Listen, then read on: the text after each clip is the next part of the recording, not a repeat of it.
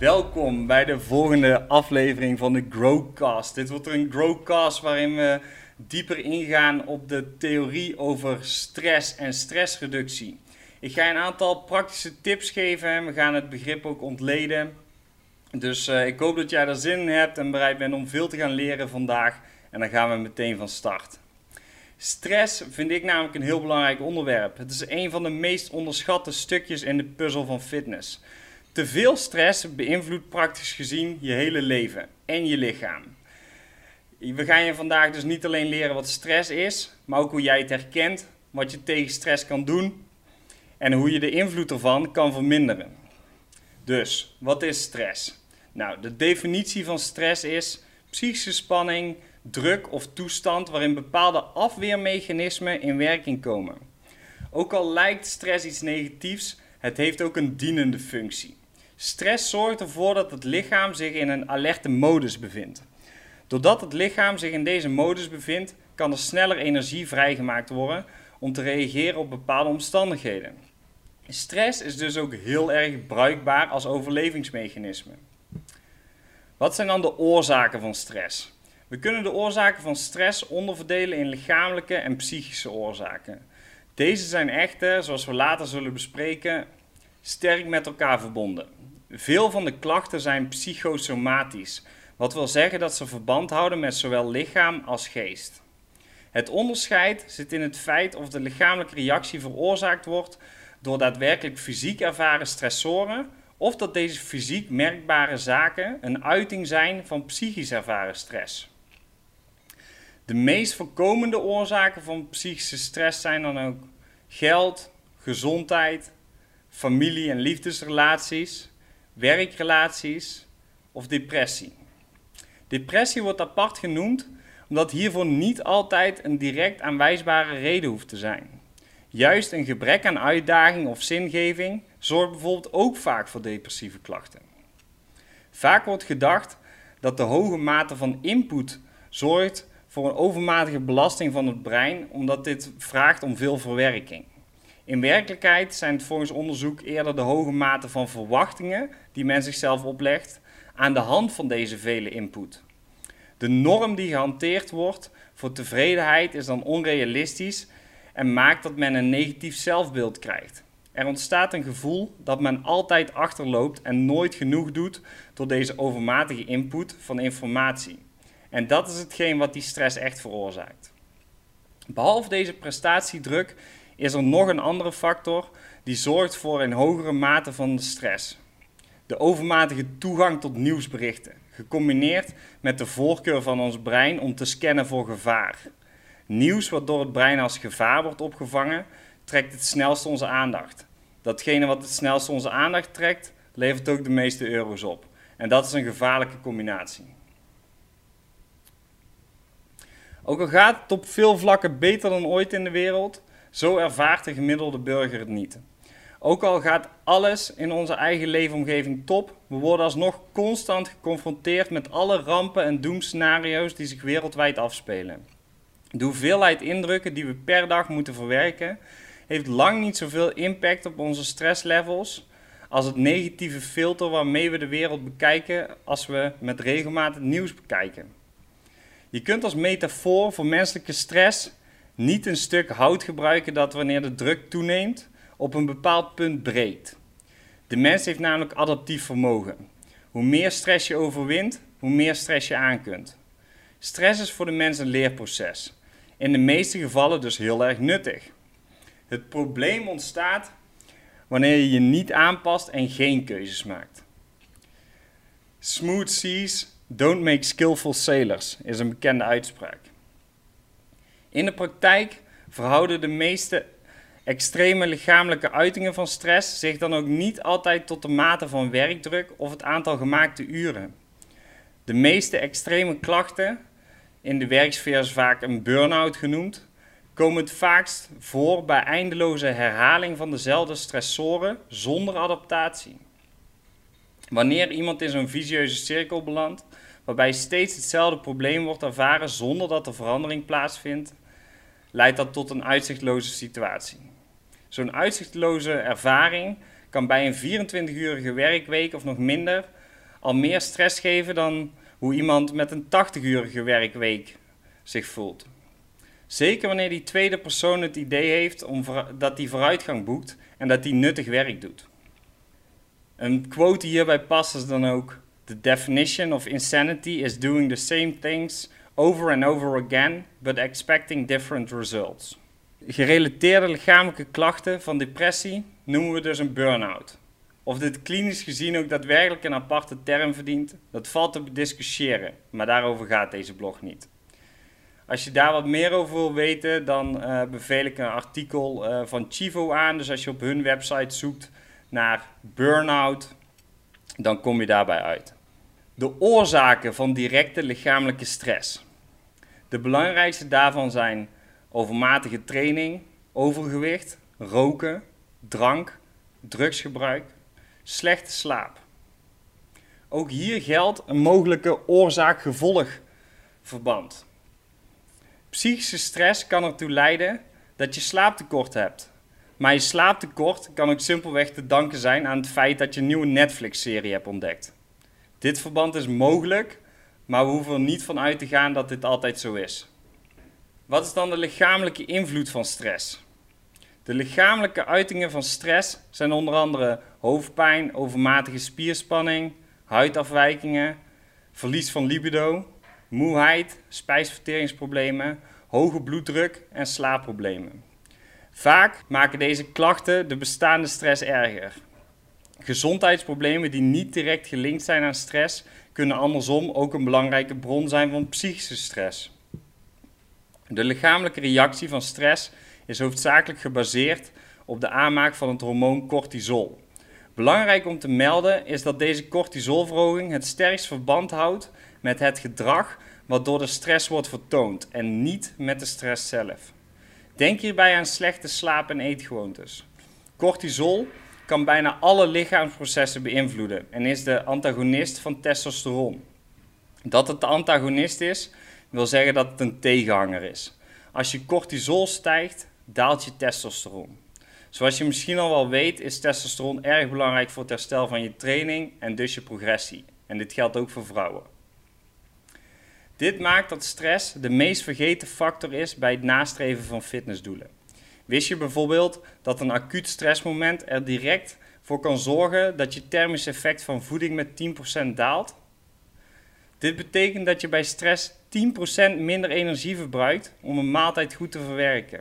Je kan dus opeens 10% minder eten als je op gewicht wil blijven. We weten dat stress ervoor zorgt dat vetopslag makkelijker wordt. Ook weten we dat spieropbouw door het verminderde herstel een stuk moeilijker wordt. Waarschijnlijk heb je nu al door hoe desastreus te hoge stresslevels kunnen zijn voor je fitnessprogressie. Hoewel stress op korte termijn ervoor kan zorgen dat je eetlust verdwijnt, zorgt chronische stress er bij de meeste mensen voor dat ze gaan overeten. Dit overeten wordt veroorzaakt door de behoefte aan dopamine en andere hormonen die vrijkomen na gegeten te hebben. Deze hormonen geven de mens namelijk een sterk ontspannen en euforisch gevoel. Vooral hoogsmakelijke producten en koolhydraten scoren goed bij mensen met chronische stress.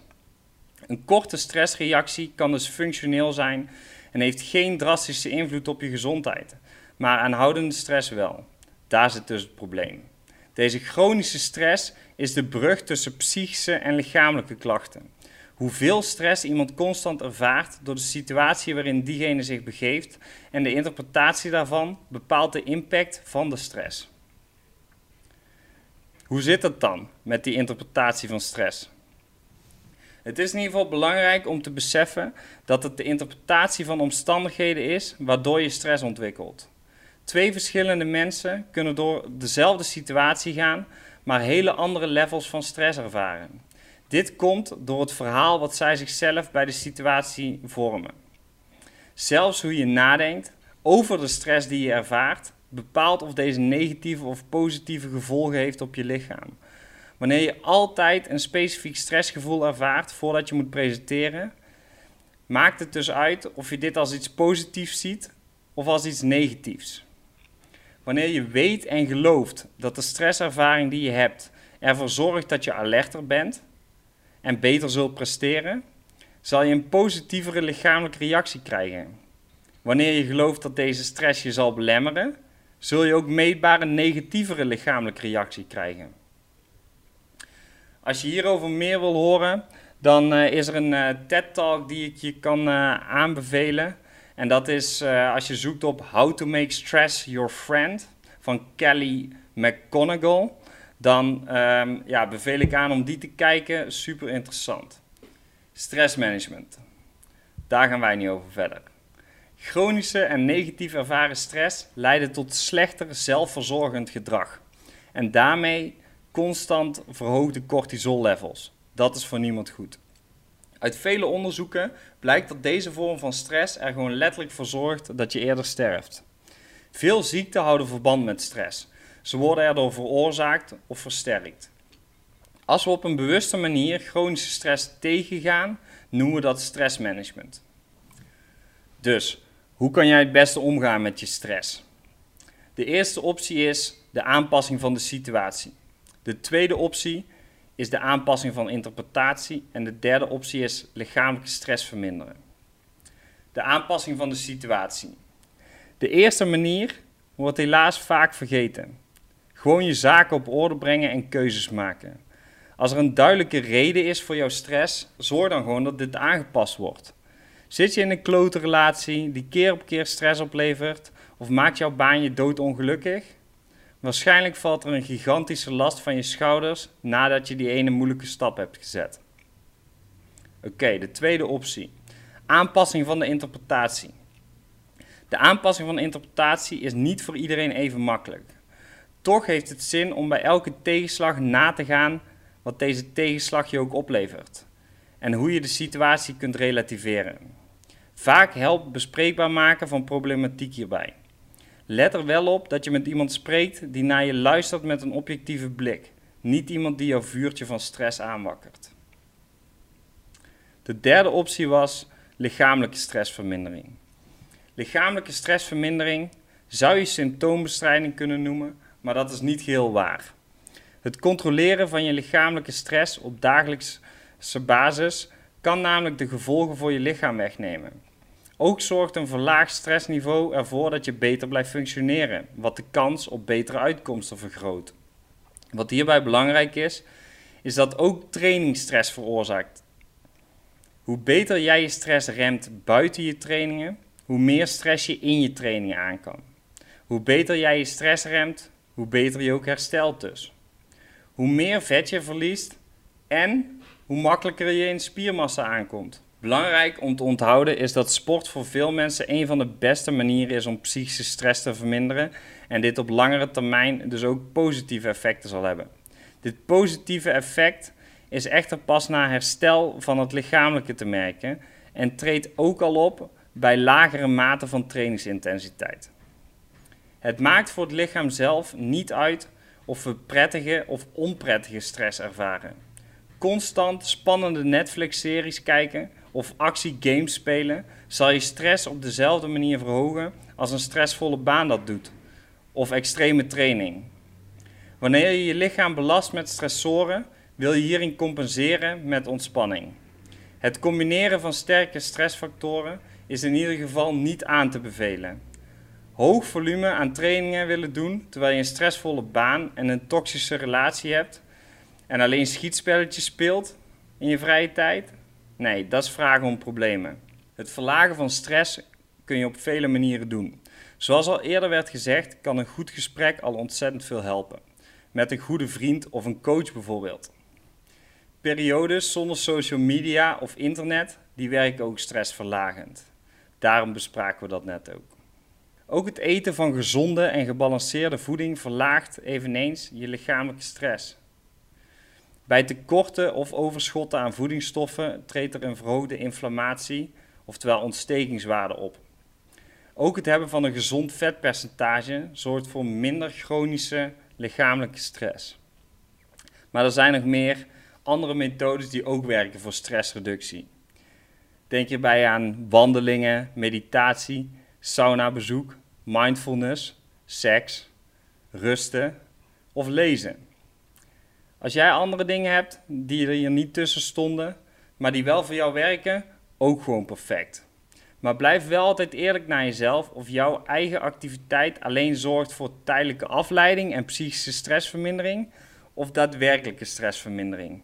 Met 200 km per uur slalommen op de snelweg op je motor brengt je zeker in een staat van flow en je vergeet even je stressoren. Maar lichamelijk brengt het je geen rust. Hetzelfde geldt voor alcohol en drugsgebruik. Hiermee verdoof je jezelf alleen tijdelijk, vererger je eigenlijk je daadwerkelijke lichamelijke stress. Aan de hand van wat ik je nu allemaal heb verteld, hoop ik dat je een stuk meer weet over stress. Waarschijnlijk heb je ook al nagedacht over jouw eigen situatie en wat voor jou zou kunnen werken. Ik hoop dat je het gewoon super waardevol vond. Mocht je vragen erover hebben, over stress of welk onderwerp dan ook, stuur mij of ons een berichtje en dan komen we er altijd op terug. En dan hopen we dat je ook weer naar de volgende Growcast gaat luisteren. Tot ziens.